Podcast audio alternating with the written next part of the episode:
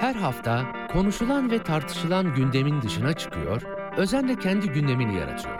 Konuklarıyla telefonda değil, stüdyoda sohbet ediyor. Konuları değil, konukları ele alıyor.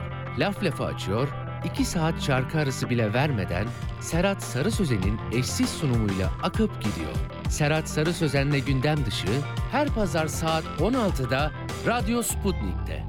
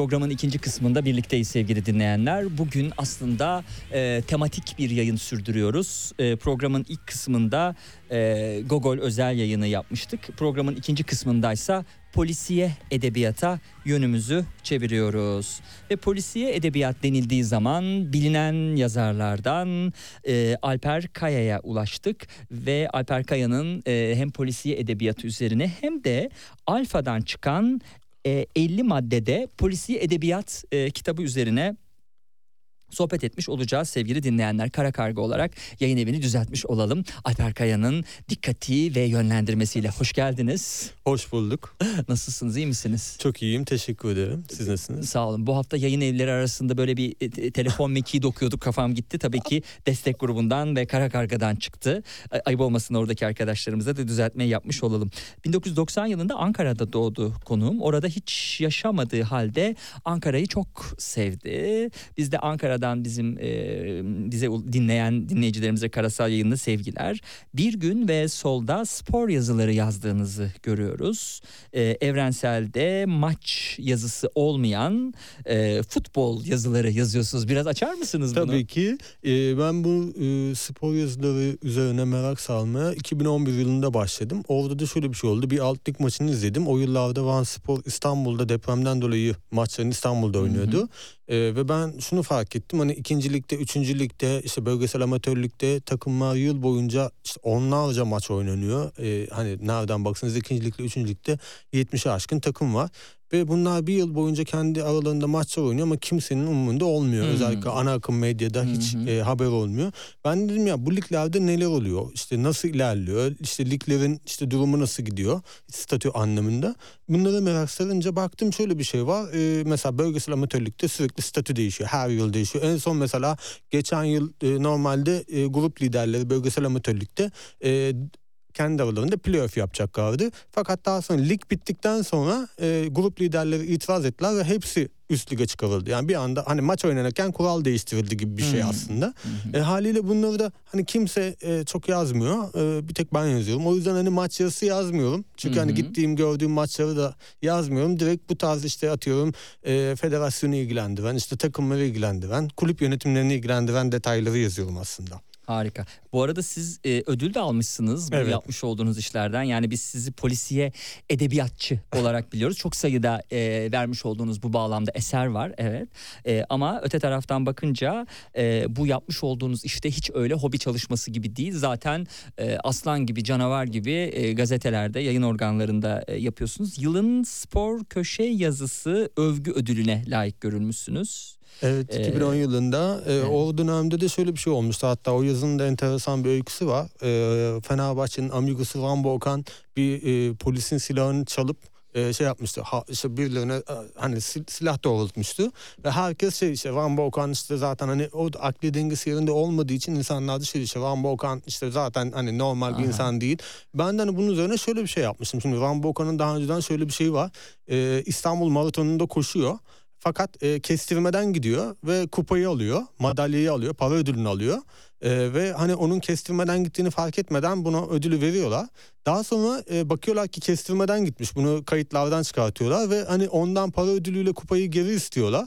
E, ancak o diyor ki ben diyor parayı harcadım kupayı da denize attım diyor vermiyor bunu. Hı hı. Fakat şöyle bir şey var ben de şunu demiştim o yazıda mesela şöyle bir detay geçiyordu.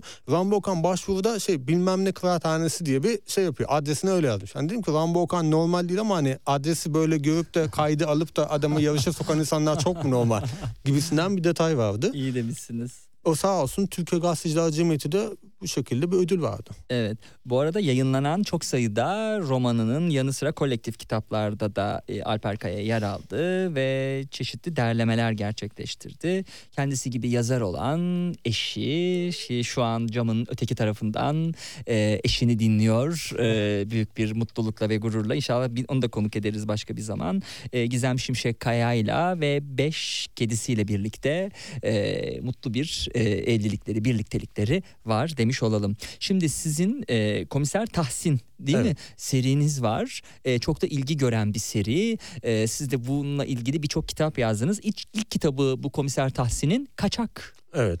değil mi?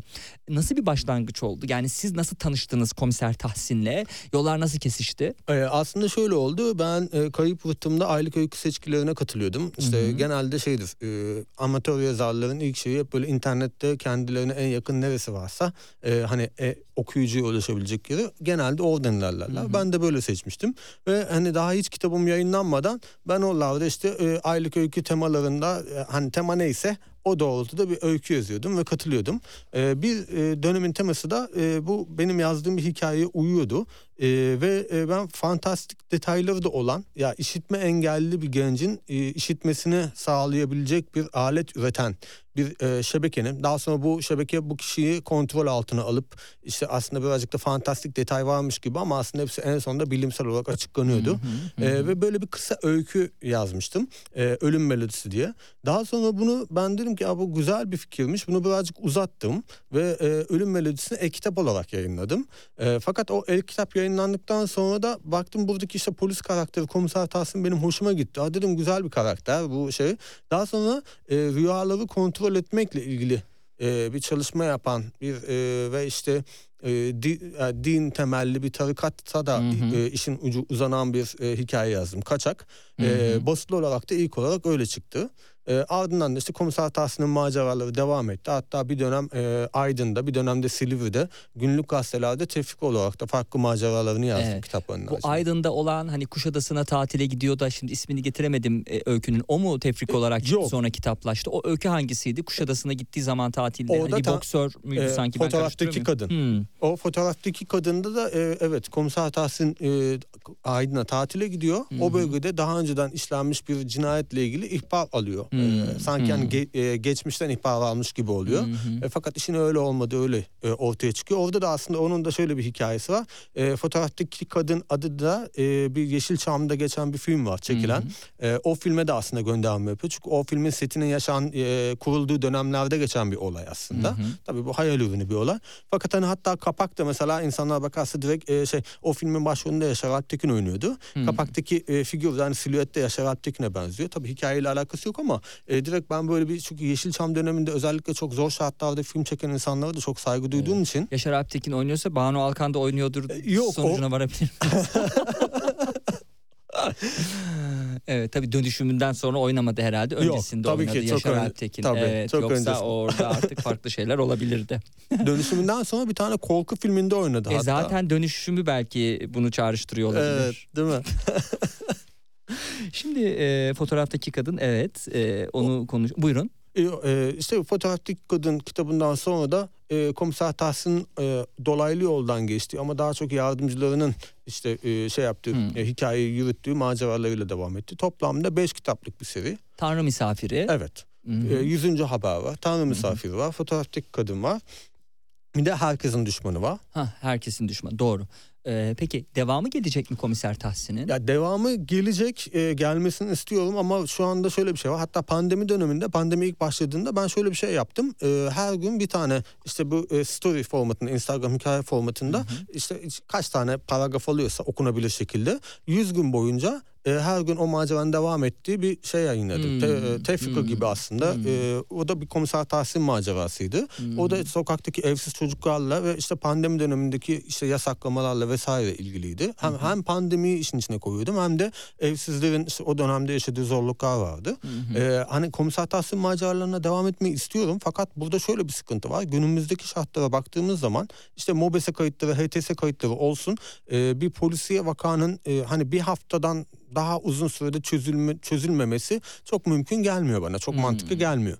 Ee, ben bu yüzden de farklı bir yola gittim. Ee, burada da Korhan Karay diye bir karakter yarattım. Az Hmm, önce bahsettiğiniz boksör, boksör karakteri.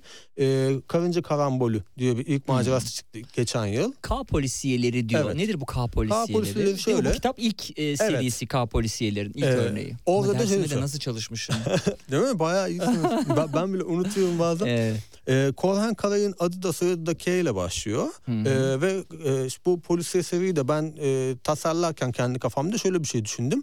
E, bütün kitaplar işte e, iki kelimeden oluşacak şekilde hani karınca karambolü gibi ve hep bir e, K harfiyle başlayan bir hayvan artı e, oradaki temaya uygun bir e, atıyorum e, eylem veya işte atıyorum başka bir fiilin yer alacağı şekilde yani tamamen bu eşleşmelerle geçecek şekilde bir karakter hikayesi olduğu için aslında kitabın adından da işte kitabın adı da e, hem K ile başlıyor ikinci şey, ikinci kelime de K ile başlıyor karakter de aynı şekilde Hmm. devam edecek şekilde e, işte abi bu komiser Yani bir Kore popu vardır ya K-pop. O, o- ondan bağımsız değil. Tamam. O tamamen karakterle ilgili. evet K polisiyesi. Evet. Aynen öyle. Ee, orada da beni buna yazma iten de şöyle bir şey oldu. Ee, dediğim gibi resmi polis hikayelerini yazarken e, bakıyorsunuz aslında o olayın çok kolay bir şekilde çözülmemesi gerekiyor. Ee, ve şey e, ama gayri resmi olunca gayri resmi dedektif olunca işin içine e, atıyorum kişilerle olan ilişkiler, diyaloglar bunların e, hani resmi olarak ulaşılamayacak detaylarla erişilmeye çalışılması gibi işte daha çok böyle yazarın kıvraklığına, e, kaleminin kıvraklığına e, böyle e, gerektiren bir detaylar e, çıkıyor. Haliyle e, resmi polis hikayelerinden uzaklaşıp tamamen gayri resmi bir dedektif. Böylelikle e, hani her şeyi böyle şipşak çözemeyecek kadar güçlü olmayan ama gücünü de insanları daha iyi okuyabilmesinden alan bir figür oluşturmak gerekti. O yüzden şimdilik gayri resmi polis hikayelerine devam etmek, dedektif hikayelerine devam etmek daha mantıklı geliyor. O yüzden hani Peki e, bir hazırlığınız oldu mu mesela polisiye eserleri yaratırken, o metinleri yaratırken hani tutarsızlık olmasın, e, ne bileyim bir polis görsün ya da bir bir e, bir ek bir çalışma yapayım vesaire. Oldu mu? Hani kurgu dünyasında buna gerek olmayabilir ama bir belgesel yazmıyorsunuz sonuç olarak. Kendi yarattığınız emniyet müdürlüğü içerisindeki bir karakterden, karakterlerden bahsediyoruz. Oldu mu? E, o taraftan bir dönüş geldi mi? Yani sen bunu yazmışsın ama bu e, işte doğru değil. Yani atıyorum bir komiser Kuşadası'nda e, belki hani faaliyet gösteren mesela hani bu tarz dönüşler olumlu olumsuz neler aldınız? Şöyle oldu aslında çok şaşırtıcı bir şekilde e, tek tük incelemelerde bulundum fakat daha sonra ben işte ilk macera yayınlandıktan sonra e, bir e, özel harekatçı bir arkadaş şöyle bir şey söyledi. Ya dedi hani senin kitap güzel iyi akıyor gidiyor ama dedi biz dedi bu kadar nazik davranmıyoruz dedi. Senin dedi komiser de çok nazik dedi. Biz dedi hani çok bu kadar da nazik konuşmuyoruz Nasıl dedi. davranıyorlarmış o seksi üniformaları ve botlarıyla ne yapıyorlarmış tam olarak? Ya benim mesela hakikaten ben fark ettim benim polis çok nazik. İşte şey diyor hani gelir misin bakar mısın diyor mesela. Olmaz biz sert polis Evet. istiyoruz. Biz sert. öyle öyle seviyorlar. biz diyor gerçekten gel lan buraya ne gördün diye böyle daha böyle şey. Tabii. Daha sonra ben o yüzden polisi birazcık böyle bir şey yaptım. Ee, Testosteron seviyesini arttırdınız arttırdım. mı? Ma- Hmm. Mecburen odadaki testosteron seviyesini arttırmak zorunda kaldım. Ee, ondan sonra e, açıkçası bir de dediğiniz gibi tutarlılık bağlamında da şöyle bir şey var. Güzel bir noktaya değindiniz. Mesela Kuşadası'nda e, cinayet büro yok. Çünkü neden? E, merkez komis merkez şeylerde karakollarda yani Aydın Emniyetinde cinayet büro oluyormuş. Mesela o hikayeyi yazarken de ben onu keşfetmiştim. Aslında yazarken araştırma yaptığınız zaman pek çok şeyi keşfedebiliyorsunuz. Öyle olunca da hani hikayeyi nasıl böyle bağlamak gerekiyor? Bununla ilgili belki birilerine soru sormak gerekiyor. Fakat ben burada da şöyle bir şey düşünmüyorum. Ee, hani çok yüzde yüz işte bütün e, süreçlerin resmi e, evraklardan çıkmış gibi ilerlemesi gerektiğine de açıkçası Aynen öyle inanmıyorum. tabii. Ee, ama yine dediğim gibi görüşüne değer verdiğim insanlara sorduğumda aldığım dönüşlere göre de böyle bir şeyleri şekillendirdiğim oluyor. Evet valizde ise bu defa e, dedesinin vefatıyla hayatında yeni bir döneme geçtiğini düşünen bir gencin başlangıçta Kore Savaşı ve Kıbrıs Barış Harekatı günlerine dayanan aşklara dair iz sürümü sırasında kendi eski aşkına ulaşmasının anlatıldığını görüyoruz. Ee, o kitapta aslında o kitabın hikayesi QR kodlarla değil mi? Başka Evet. bütünleşen de bir takım şeyler Evet, var. e, orada şöyle bir şey var. Ben yazarken genelde işte müzik dinlemeyi çok seviyorum. Eskiden de çok seviyordum. Ve e, dedim ki ya bu mesela bir sahnede o müzik çok e, iyi uyuyor. O sahnenin hikayesine de, dokusuna da. Dedim peki dedim okuyucu da hani o sahnede o müziği dinleyebilse nasıl olur? Diye düşünürken orada mesela yaklaşık 7-8 tane şarkı var içinde ve insanlar kara kodu okutup o sahnede geçen şarkıyı Ha mesela şöyle bir sahne var orada şarkının adı verilmiyor ama diyor ki işte Beyoğlu'nda yürürken arkadan işte gelen bir müzik sesini duydu. Mesela orada hangi müzik sesini duyduğunu kitabı dinletip de şey oradaki kara kodu dinletip de e, öğrenebiliyorlar. Ondan sonra şöyle bir komik bir dönüş aldım bir arkadaştan. Dedi ki ya dedi abi dedi çok güzel yazmışsın çok da güzel şarkılar ama az geldi şarkılar dedi. Hani 7-8 tane keşke 12-13 tane falan dedim. Sizden mi? bayağı bir müzik albümü Müzik istiyorlar. albümü gibi evet değil mi? Ee, Ama o da güzel bir deneyimdi. İyi, iyi bir şey oldu. iyi dönüşler aldı. Okuyucu muydu bunu söyleyen? Evet. Yani okuyucu da bence biraz haddini bilsin. ya estağfurullah. Abi talepleri de bitsin yani. Bir yazardan, polisiye edebiyatıyla tanınan, başka türlere de giren bir yazardan da artık şarkı istemesinler. Eskiden bunlar şeydi biraz radyoların ilk kurulduğu dönemde e, ki e, şeyi biliyorum ben e, dinleyici yüzsüzlüğü vardı. Sürekli şarkı isterlerdi. Bunları doyuramazdınız istek şarkıya. Bir de istek şarkıya isim yazdıran tipler vardı. İşte sıradaki şarkıyı anneme, babama, şuna, buna filan. Bunlara siz kulak verirseniz ay bunlar şey yapmazlar, doymazlar. O yüzden dur demek lazım. Şimdi gelelim sizin Kara Karga'dan çıkan 50 maddede polisiye edebiyat kitabınıza. Polisiye kaç türe ayrılır sorusuyla bütün sorulara tabii bakamayız.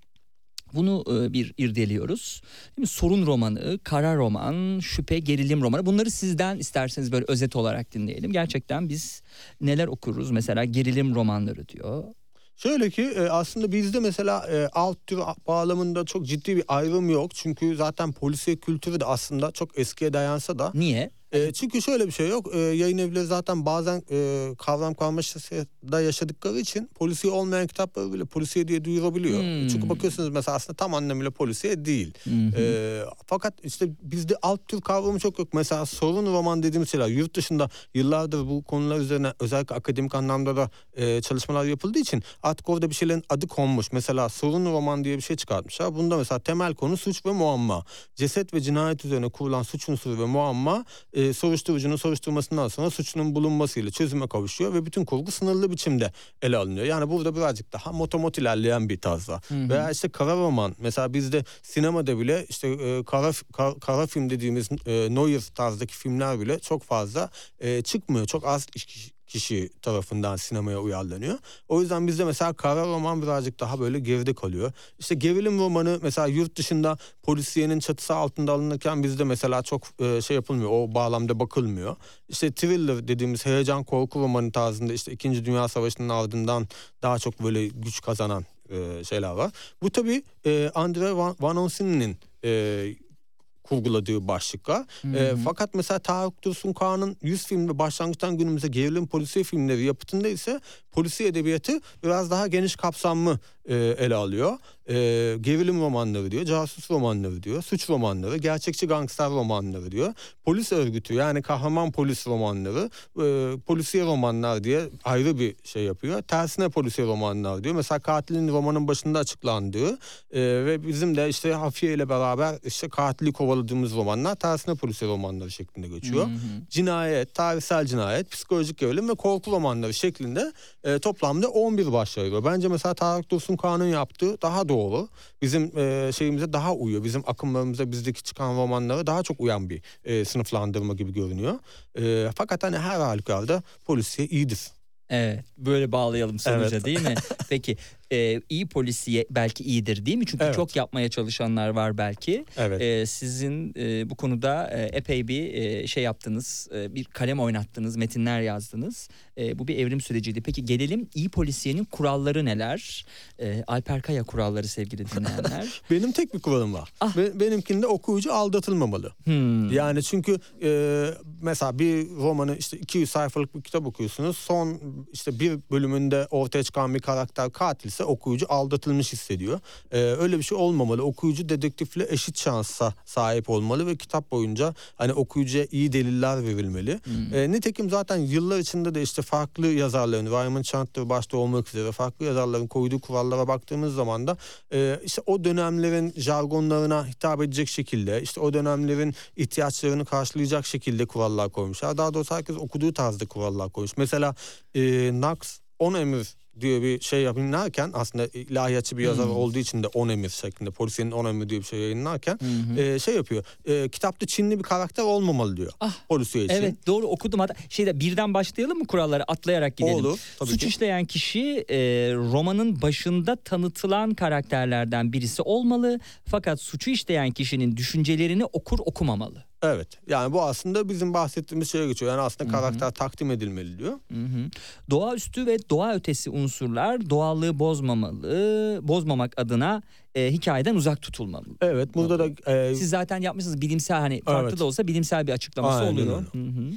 Roman içerisinde birden fazla gizli geçit veya gizli oda bulunmamalıdır demiş mesela. Bu da çok mantıklı. Çünkü hani okuyucunun da dikkati dağılmamalı. Şey gibi yer doldurmak için konuluyormuş gibi olmamalı diyor. Kitabın yazılış zamanına kadar süre içerisinde bulunmamış hiçbir zehir ya da roman sonunda açıklaması yapılacak bilimsel bir silah romanda kullanılmamalıdır diyor. Yani uydurma bir şey yapmayın diyor. Ha, okuyucu aslında şansa sahip olsun diyor. Evet. Beşinci kuralında da hikaye içerisinde Çinli bir karakter yer almamalıdır. Evet diyor. enteresan onu biraz açalım değil mi? Çinli karakter Tabii. neden yer almıyor? Ya çünkü şöyle bir şey var. Bu aslında polisiyecilerin de çok e, şey yaptı. E, iki arada bir devrede kaldığı bir detay. Ben de kitabı hazırlarken fark ettim bunu. Çünkü çok dikkat etmiyorsunuz. Çeviriden dolayı da bazen hani ya böyle bir şey dememiştir diyorsunuz ama e, 2016 yılında Edinburgh'da Val McDermott e, ve e, Lucky Rip, Ripchester gibi suç kurgu yazarlarının düzenlediği bir oturumda bu gündeme gelmiş ve demişler ki yani bu e, durumun gerçekten anlaşılmaz olduğu e, nitelendirilmiş. İnsanlar bunu birazcık da şey e, masumane bir şekilde hani Çinliler çok zeki oldukları için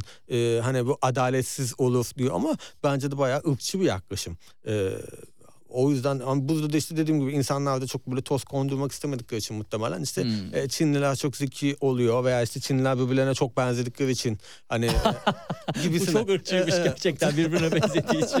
bu, bu yüzden Hatta bütün konuştuk. olarak Çinliler, Koreliler, Tay hepsi birbirine benziyor da denebilir. Bu asla bu benimsediğim Bizde bir şey bir tane değil. Twitter'da geyik var ya Japonum diyorsun Çinlisin kardeşim diye şey var. Böyle Japonlara böyle bir Twitter'da bir geyik var. Bu, Evet. bu da gerçekten bunu andırıyor. Evet. Ee, bu o- arada bu doktrinal görüşler tabii sevgililer. ki. Birinin 10 emri var, birinin başka kuralları Tabii var. Van polisiye Dyne'ın ilişkin Van. Dyne'ın 20 kuralı var. İşte aynı şekilde baktığımız zaman e, az önce bahsettiğim gibi Raymond Chandler'ın da 10 tane kuralı var.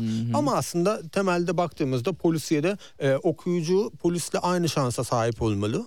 Ve do- hani dolandırılmamalı aslında. Evet. Ee, bizim polislerimiz acaba hani polisiye hani o işte yakalamayı falan nasıl yapıyorlar acaba bilemiyorum. Ama sosyal medyaya baktığımız zaman o dar üniformalarıyla ve güneş gözlükleriyle Instagram'da poz verdiklerini sıklıkla görüyoruz. İnşallah oradaki başarıları kadar sosyal medyada fotoğraf vermek başarılarının yanı sıra hani Yunus'undan çevik kuvvetine güneş gözlüğüyle e, inanıyorum ki polisiye takibinde de aynı başarıyı göstereceklerdir diye e, Umalım. umuyorum. Değil mi?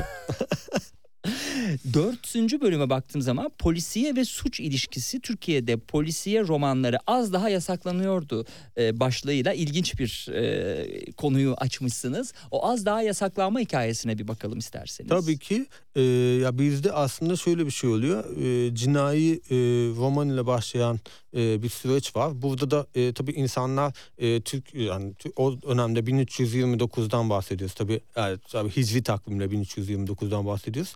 E, felsefe mecmuasında yayınlanan 1. cilt 8. sayıda cinayi romanlar ve hakiki eserler başlığında Memduh Süleyman bir değerlendirme yazıyor ve diyor ki o döneme o dönemde yayınlanmaya başlayan cinayi romanların toplumun fikri hayatı üzerinde yaralar açtığını öne sürüyor.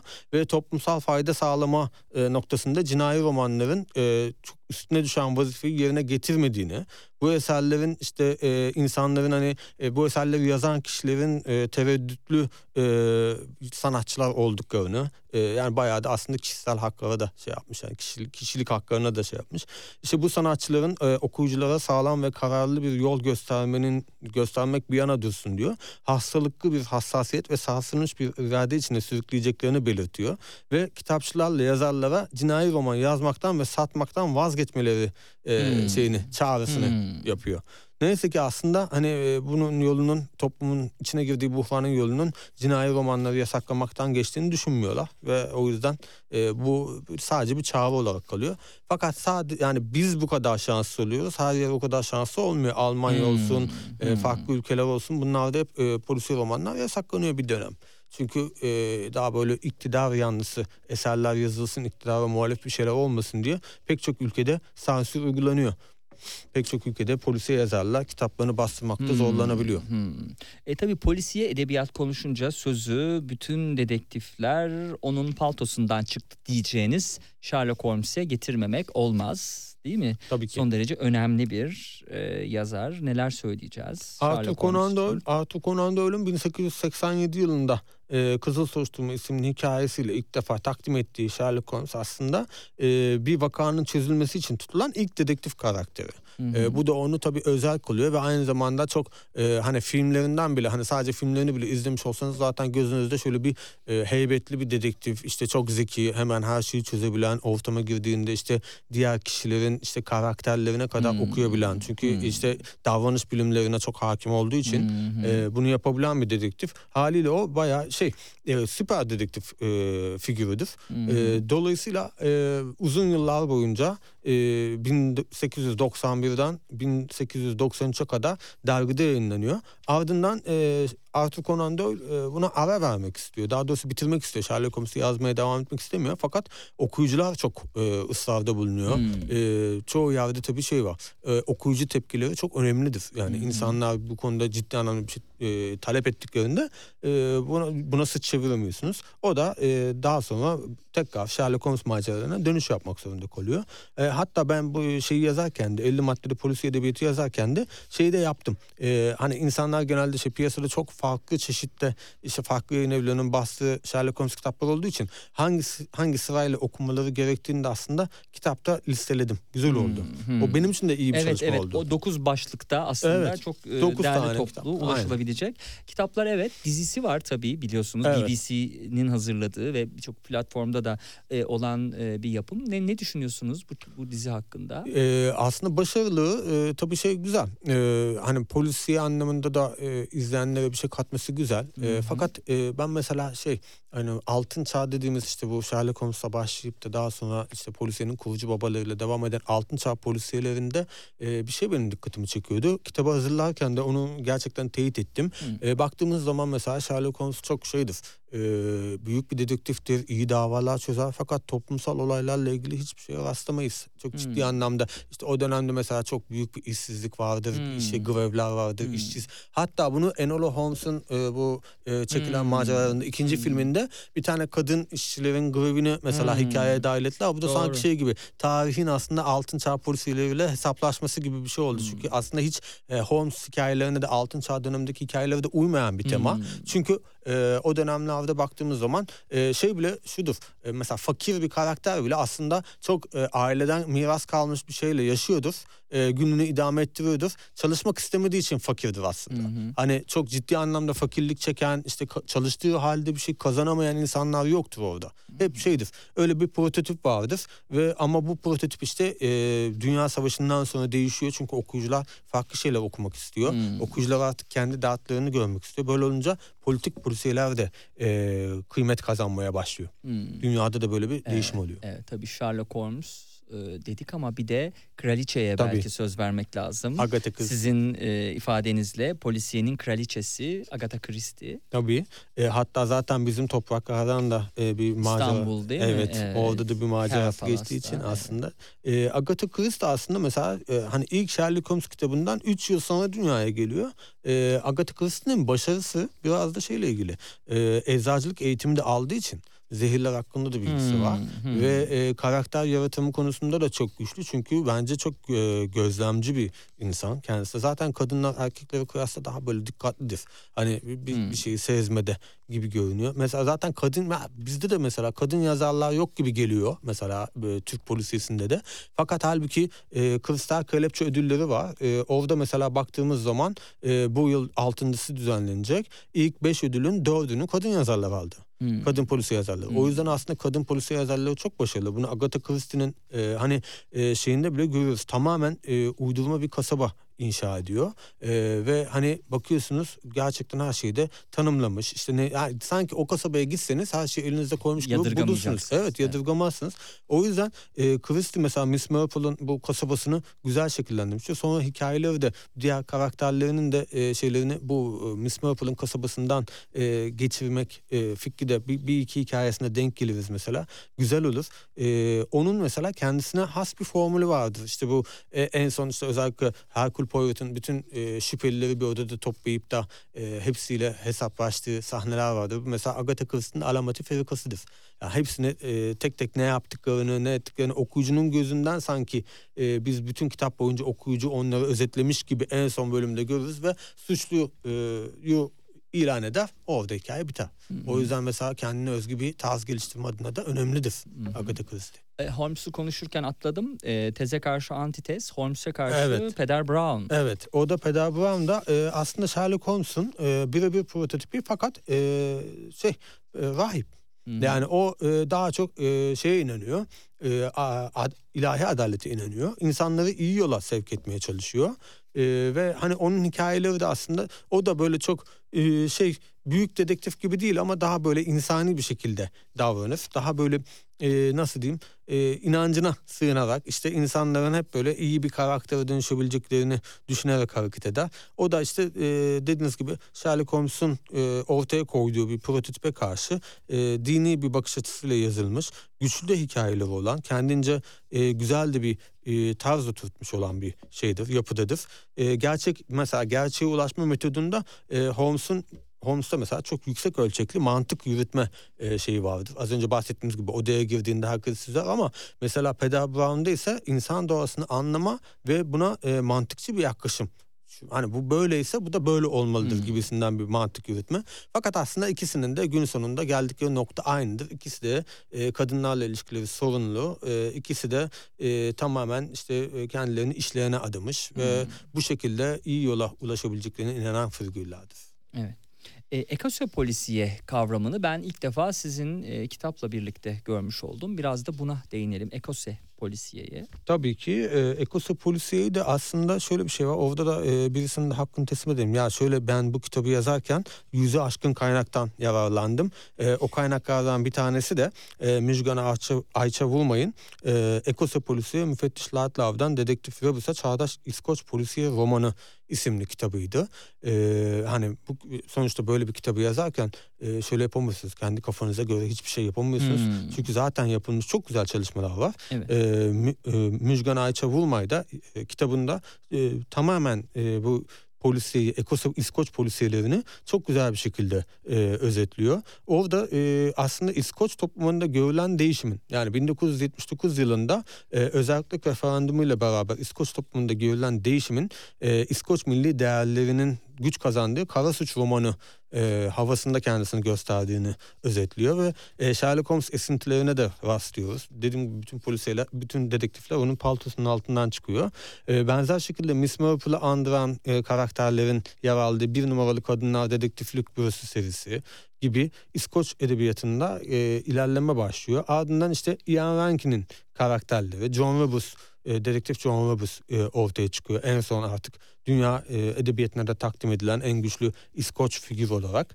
E, yani 1980'li yıllardan itibaren aslında ilerleyen bir ekosa polisiye dediğimiz Hmm. e, bu aslında birebir çeviri. Çünkü Hı hı. e, Tartan Noir diye geçiyor. E, bu, bu şekilde literatürde bizde de ekosa polisiye oluyor. Hı hı, E, hı. yani İskoç polisiyeleri de bu şekilde adlandırılıyor. E, peki polisiye romanlarında cinsiyetçilik izlerini nasıl takip ediyor? Çünkü bunun içinde ayrı bir e, başlık açmışsınız. Evet. Özellikle yazıldığı dönemlerden bağımsız olarak klasik polisiye roman yapısı her daim eril bir yapı olarak kabul edilir Evet. cümlesiyle.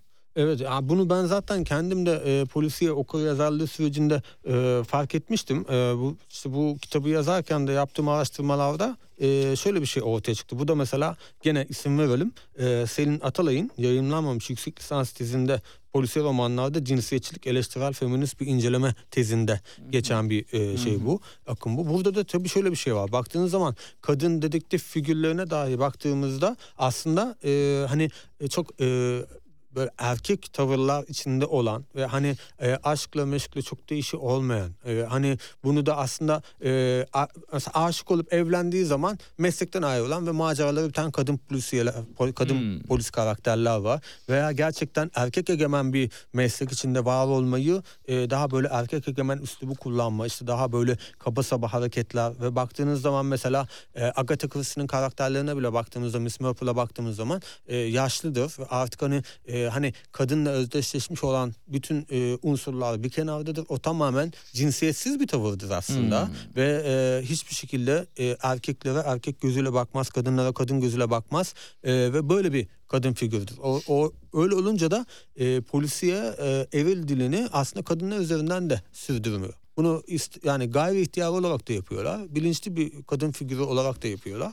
Ama bu bu şekilde devam eden bir e, akıma dönüşüyor. Evet. Tabii polisiyede kurucu babamız dediğimiz zaman e, belki dinleyenlerin aklına şu an yaşayan kişiler gelebilir. Değil, yanılıyorsunuz. Olamazlar. Ee, Bizimki- nereye götürüyorsunuz bizim kurucu babamız Ahmet Mithat Efendi? Tabii ki. Ee, Ahmet Mithat Efendi e, bu aslında bizim e, Osmanlı dönemindeki e, tefrika polisiye kültürünün de çok net bir şekilde gözlemlendiği bir isim. Zira bizim ilk polisiye romanımız Esrar-ı Cinayet bir e, tefrika olarak yayınlanıyor. E, hatta ilginçtir ki romanın kahramanı işte romanda geç, şeyde hikayede geçen kahraman Beyoğlu mutasarrıfı Mecne- Mecdettin Paşa'dır. E, Galatasaray'ında yaşayan bu paşa Osman Sabri Efendi'nin Öreki Taşı cinayetiyle ilgili yazdığı raporları incelemeye başladığında bir gazeteci de bu Osman Sabri Efendi'ye sorular sormaya başlıyor. Hikaye böyle başlıyor. Fakat e, işin garibi şudur. E, vakanın aydınlatılmasını sağlayan gazete ve gazetecinin örnek bir tip teşkil etmesidir. Yani Türk basınının da ilk arketipini oluşturuyor ve bize de bir gazeteci figürünü şöyle e, lanse ediyor. Kanunları bilen, olayların ve insanların üstüne cesaretle giden, sahtekarlığa karşı korku salan. Yani Hmm. aslında günümüzde de çok özlediğimiz bir gazeteci figürünü bizlere tanıtıyor. Hı. Üst düzey yöneticilerin hakikatlerin ortaya çıkmasını engellediği ve bunun da hani gazeteciler tarafından çözüldüğü. Ancak kitap bütün bunlarla ses getirmiyor. Aslında 1883 yılında tefrika edilmesi sırasında o dönemde yaşanan gerçek suçları ifşa ediyor. Ve kitaptan sonra da gerçekten kitapta olduğu gibi gerçek Beyoğlu mutasarrıfı yurt dışına kaçmak zorunda kalıyor. Hmm. ifşa edildiği için. Aslında bu da polisiye edebiyatın da e, bir misyonunu da ortaya koyuyor. Hı. Çünkü polisiye edebiyat suç ve suçluyla birebir ilişkisi olan bir tür olduğu için aslında dönemin suçlarına da e, perde pe- e, ayna tutması gerekiyor. Hı. E, mahlas kullanmışlar Evet. değil mi bir dönem Türk polisiyecileri? Neden neden en- endişe etmişler? Ya aslında endişeden ziyade mesela Kemal Tahir mahlas kullanıyor çünkü siyasi yasaklı. E, Peyami Safa mahlas kullanıyor çünkü Peyami Safa'nın kendi bir tarzı var ve hani e, yazdığı tarzlardan tamamen bağımsız ve aslında tamamen de para kazanma e, odaklı yazdığı bir e, polisiye seri var. Cingöz Recai serileri. Fakat Ah, hani Cingöz Recai çok önemli. Profesör Evet. Seval Şahin gelmişti Mimar Sinan Üniversitesi'nden. O da pek sever polisiyi Evet. Zaten biliyorsunuz. Onunla da sohbet etmiştik ama Cingöz Recai'nin yeri değil mi çok ayrı. Tabii ki. O Türkiye'nin en uzun soluklu polisiyesi. Hala Hmm. onu geçebilen olmadı yıl bazında. Hala hatta yeni maceraları da ortaya çıkıyor. Seval hocamız da bu konuda çok Hmm. ciddi katkı sağlıyor. Hatta Seval hocamız e, 2017 yılında bizim POYA 1 Türkiye Polisi Yazarları Birliği ilk kez toplandığında ve hani bir yol haritası çizelim dediğimizde de gelmiş katılmış toplantımıza Hmm. Mimar Sinan'da. Evet. E, şeye geçelim e, mahlas e, konusunda Evet. Peyami Safa e, polise hani mesela polise yazmaktan utandığı için mi mahlas aldı? Hayır. Utanıyor olsa annesinin adından Server Beydia'dan e, apartma bir şekilde Server Beydi adıyla mahlas almazdı. Bilakis sevdiği için sadece ona farklı bir e, hani alt karakter oluşturmuş gibi geliyor sanki baktığınız zaman. Çünkü e, yazdığı tarz dediğim gibi tamamen farklı. Fakat o, onun onların yanı sıra tabii Behçet Rıza takma ismiyle e, Oğuz o, e, Behçet Rıza takma ismiyle Oğuz Turgut Tas- takma ismiyle Cemil Cahit Cem mesela e, polisiye romanlar yazıyor. A- Ali Karaefe takma ismiyle Milletvekili Ziya Ebu Ziya polisiye romanlar yazıyor. E, Ziya Şakir Z Melek takma ismiyle yazıyor. Mesela en ilginci de Aziz Nesin Nuru Hayat takma ismiyle Beyaz Mendil isimli bir roman yazıyor. E, son dönemde ise e, biz e, mesela Sabira Aysal Vural var. Gerçek adı Sabira Aysal Vural. Biz onu mesela e, Soledad Santiago adıyla biliyoruz. Türkiye'ye bir tane e, romanı çevrildi. Yurt dışında dört tane romanı var. E, veya benzer şekilde Ahmet Timurhan diye bir yazarımız var. Mahlas isim bu. Camide Cinayet diye bir kitabı var. Bu da felsefeci Ahmet Demirhan aslında. E, veya benzer şekilde geçtiğimiz yıllarda e, koronavirüsten kaybettiğimiz Ahmet Sönmez var. O da e, Jake V. Stephenson e, takma ismini kullanıyordu. O da tamamen şey için hani Türkiye'de Türk polisiye yazarlarına çok ilgi yok ama Hmm. yabancı isimle yazınca ilgi oluyor diye gerçekten de ilk yazdığı dönemde kendisi anlatmıştı bize bizim yaptığımız bir buluşmalarında. Mesela yurt dışı şeyden Ankara'dan gazeteciler arıyorlar işte kitap çıkınca işte kimsiniz şey yapalım falan diyor. Aa Türkçe biliyor mesela Türkçe röportaj veriyor. Aa Türkçe biliyor musun işte babam diyor işte e, şurada çalışıyordu burada çalışıyordu gibi. İnsanlar mesela şaşırıyor hani şey yapmıyor. E, o da röportaj verirken niye ondan bahsetmiş madem tutarlı olsaymış Yok biraz? hayır bahsetmiyor zaten. Hmm. Bahsetmiyor. Orada direkt Jake Stevenson olarak röportaj Hmm. Yıllar sonra ortaya Hmm, çıkıyor. Ortaya çıkıyor. Tabii. Anladım. Röportajları da tutarlı. Peki. Aynen ne evet. özentilik. Türk polisiyesi çok satan ve çok yazanla tanışıyor 90'lı yıllardan sonra özellikle 2000'li yıllarda değil mi? Evet. Ee, artık Türk polisiyesi yönünü gerçekten de marketlerde Evet. e, satılan e, Daha insanların daha böyle aldığı, fazla sayıda. Evet fazla sayıda olan nicelik olarak ama herhalde bakıyorsunuz. Evet. Evet. e, bununla tanışıyor 40. bölüme baktığımız Evet. zaman. Neler söyleyeceğiz buna ilişkin? Ee, şimdi burada İyi mi e, oldu, kötü mü oldu, nasıl oldu bu iş? Şöyle e, iyi oldu. E, şöyle iyi oldu. Şimdi bu bahsettiğimiz 40. bölümde e, çok satan ve çok yazan, çok satan dediğimiz tabii ki Ahmet Ümit. E, çünkü e, şu anda onu kadar çok satabilen yerli başka bir yazarımız yok şu anda sokaktan. Çok yazdığı için mi acaba? Hayır. e, çok yazan da e, Osman Aysu çünkü. E, ikisi şey Osman Aysu ile Ahmet Ümit hemen hemen aynı yıllarda yazarlığa başlıyor. Fakat Osman Aysu e, çok e, bir, bir anda böyle e, onlarca e, 20 20 aşkın romana ulaşıyor. E, fakat e, burada baktığımız zaman şöyle bir sıkıntı var. Ben de e, kitabı yazarken bende de kitapları var mesela Osman Aysu'nun. Kitabı yazarken fark ettim. E, mesela e, yazarın 2010 yılında Gölgede Kalan Sırlar isimli bir eseri var. Bende o var. E, fakat mesela bakıyorum e, yazarla ilgili yazılan tezlerde e, vesaire bu kitap yok.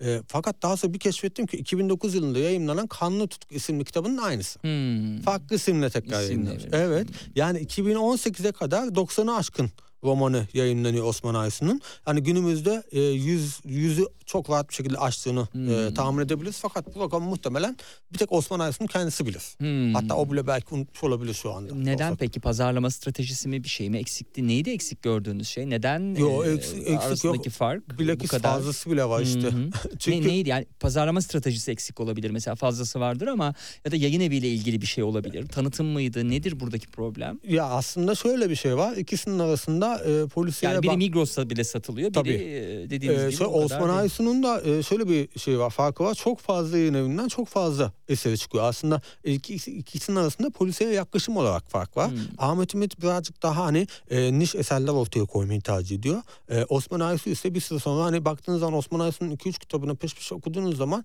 prototipler çok birbirine benzer. Hikayelerin Hmm. akışı çok benzer. İşte işin içinde mutlaka bir cinsellik vardır. İşte Hmm. bir hangi sayfa hangi bölümde cinselliğin karşınıza çıkacağını bile tahmin edersiniz. Hmm. Mesela Ahmet Ümit o bağlamda e, kendini geliştirmeyi tercih eden bir isim. E, arada öyle bir fark var. E, ama baktığınız zaman da hani öyle olunca da hani çok satan da çok yazan birbirinden ayrılmış oluyor. Hmm. E, ilginç kısımlardan biri queer polisiyeler. Evet. E, bu da benim e, ya bizde mesela yıllar boyunca e, tek tük e, şey yapıyorduk biliyorduk ama aslında e, çok fazla e, Öyle oldu. mi? Evet yani biz mesela hep e, genelde sorsanız tek bir kişinin adını sayarlar. Queer polisi dediğiniz Yiğit. Karaahmet mi? Evet, hayır. Evet. Yiğit Karaahmet bile son dönemde çıktı. Aslında e, bilinen Hopçukiya'ya e, polisiyeleriyle e, Burçak Veral karakteri aslında çok bilinir. E, bu da tabii ki yurt dışında yaşayan, günümüzde yurt dışında yaşayan Mehmet Murat Somer. Evet. E, bu hatta ben kendisini gerçekten Türk polisiyesinin en şanslı yazarı olarak görüyorum. Hmm. Çünkü e, yanılmıyorsam dört tane yayın evinden kitaplarını tekrar bastırmayı başarmış olan bir yazar. Çok Hı hı. uzun zamandır yeni kitap yazmadı. E, ondan sonra mesela o ilk QR polisiyeler onunla çıkıyor. Ardından 1999'da Biroloğuz e, bu QR e, karakterlerin olduğu bir polisi yazıyor. E, geçen yıl bizim Kristal Kelepçe'de de e, ilk beşe kalan Hakan Güner'in Turan Caddesi No 25 e, mesela o da QR polisi. Sizin bahsettiğiniz Yiğit Karaahmet de 2021'de Deniz Ne Kadar Güzel kitabıyla e, QR polisi alanında şey yaptı. O da hatta yanılmıyorsam yurt, yabancı dile de çevrildi, yurt dışında da basıldı. En son Hı öyle bir haber görmüştüm yanılmıyorsam. E, güzel bir başarı. Evet. Ee, tebrik ediyoruz o halde onları da. Ee, edebiyattan sinemaya da çok e, Evet. geçiş oldu değil mi? Ee, Hatta Ahmet sinemadan edebiyata bile geçti. Yani Hmm. e, işte şeyin e, Onur Ünlü'nün e, İtirazım Var e, filmi 2014 yılında seyirciyle buluşmuştu. 2020 yılında da Hesabım Var diye kitap yazdı. O kitaptaki yani filmdeki Selman Bulut'un macerası kitap olarak devam etti. E, ama dediğiniz gibi Ahmet Ümit'in romanlarından Beyaz Perde'ye iki kez e, uyarlama oldu. 2007'de Sis ve Gece, 2012'de de Bir Ses Böler Gece'yi. E, benzer şekilde işte e, daha öncesinde ama Murat Dağman'ın e, Murat Dağman karakterinin dört tane filmi 1960'lı yıllarda e, sinemaya uyarlandı. Fakat aslında e, ilk e, Türk polisiye film aslında bir roman uyarlaması. E, o da e, hatta Türk sinemasında ilk Şaryo'nun kullanıldığı Yılmaz Ali e, film. Biz, bizim aslında Türk sineması için de önemli bir film. Çünkü Şaryo ilk kez o filmde kullanılıyor. Ve ilk polisiye film e, bu da aynı zamanda polisiye roman uyarlaması. Ya burada baktığımız zaman da şöyle bir şey düşünebiliriz. Son dönemde dijital platformlarda veya sinemada vizyona giren dijital platformlarda izlediğimiz e, eserlerin hiçbirisi edebiyat uyarlaması değil. Polisiye olanlar. Hmm. Ciddi anlamda dedektiflik hikayeleri olanlar. E, burada hani bir e, tersine bir göç gibi diyebileceğimiz bir şey var. Yani bu tekrardan kitap uyarlamalarına işte roman romanlara, öykülere bir bakış atırsa aslında çok güzel şeyler çıkar. Yani sinema içinde, dijital platformlar içinde. Evet. E, polisiyeden çok konuştuk. Sizin konuşmadığımız e, müştereken yazdığınız kolektif çalışmalar var. Evet. Uykusuzlar için hayatta kalma rehberi mesela bunlardan O benim kendi biri. kitabım. E, bir, gerilim romanıydı doğru söylüyorsunuz. E, Karanlık Yılbaşı Öyküleri diye Evet. düzeltmiş olayım. E, Birçok yazarla birlikte e, yılbaşı öykülerinde sizi gizem, gerilim ve e, korku dolu sayfalara e, yazarlar hep Evet. birlikte yönlendiriyorlardı. E, nasıl Aşkın Karanlık Yüzü bu? vardı. Hı hı. Aynı ekip Aşkın Karanlık Yüzü bir de Karanlık Yılbaşı Hı hı. öyküleri kitaplarını yazdık. Ee, orada da şöyle bir şey vardı. Bir tanesi tahmin edebileceğiniz üzere aşk üzerine. Ama korku ve fantastik hikayeleri. Bir tanesi yılbaşı üzerine. Hı hı. Ee, güzel çalışmalardı. Bence e, hani günümüzde yeni yeni e, ilgi olan e, fantastik edebiyat, korku edebiyatına. E, çünkü son dönemde e, belirli isimler etrafında güzel ilgiler var. Fakat hani bunların ilk e, işaret fişeklerini e, yanılmıyorsam 2016-2017 yıllarında yayınlanmış kitaplar. O yıllarda güzel bir şekilde nitelikli çalışmalarla e, müjdelemiştik aslında. Hı hı. İyiydi. Hı hı. E, programın ilk kısmında e, biliyorsunuz Gogol özel Evet. yayını yapmıştık. E, bu programda bu programın ilk bölümünde Gogol'den epey konuştuk. E, şimdi ise e, kitap bölümün sonunda e, kitap hediye ediyoruz. Ha. E, bu bağlamda size bir kitap hediye etmek istiyorum. Gogol ile dostluğumuz ve mektuplaşmamız diyor. 1832 ile 1852 yıllar arasında Sergey Aksakov'un e, mektuplarını e, kitaplaştırması söz konusu. Varol e, Tümer'in çevirisiyle iletişim yayınlarından çıkmış bu da. E, hani bugün Gogol özel günü olduğu için size de e, bunu hediye etmiş olalım. Çok teşekkür ederim. Var mı söyleyeceğiniz son bir şey? Hayır. Ben buraya beni konuk ettiğiniz için teşekkür etmek istiyorum. Dinleyenlere de çok teşekkür ederim. Biz de teşekkür ederiz. Ee, sevgili dinleyenler Alper Kaya zaten çok sayıda polisiye metinle, e, karakterleriyle e, sizlerleydi. Bir de bu defa bunun üstüne adeta bilimsel bir çalışmayla, kaynakçasıyla ve Evet. diğer metinleriyle 50 soruya cevap verdi 50 farklı bölümde ve polisiye edebiyatı 50 maddede anlattı. E, Kara Karga yayınlarından çıkan e, kitabı üzerine daha ziyade söyleştik. Bu haftalık bu kadar. Her hafta konuşulan ve tartışılan gündemin dışına çıkıyor, özenle kendi gündemini yaratıyor. Konuklarıyla telefonda değil, stüdyoda sohbet ediyor. Konuları değil, konukları ele alıyor. Laf lafı açıyor, iki saat şarkı arası bile vermeden Serhat Sarı Sözen'in eşsiz sunumuyla akıp gidiyor. Serhat Sarı Sözen'le gündem dışı her pazar saat 16'da Radyo Sputnik'te.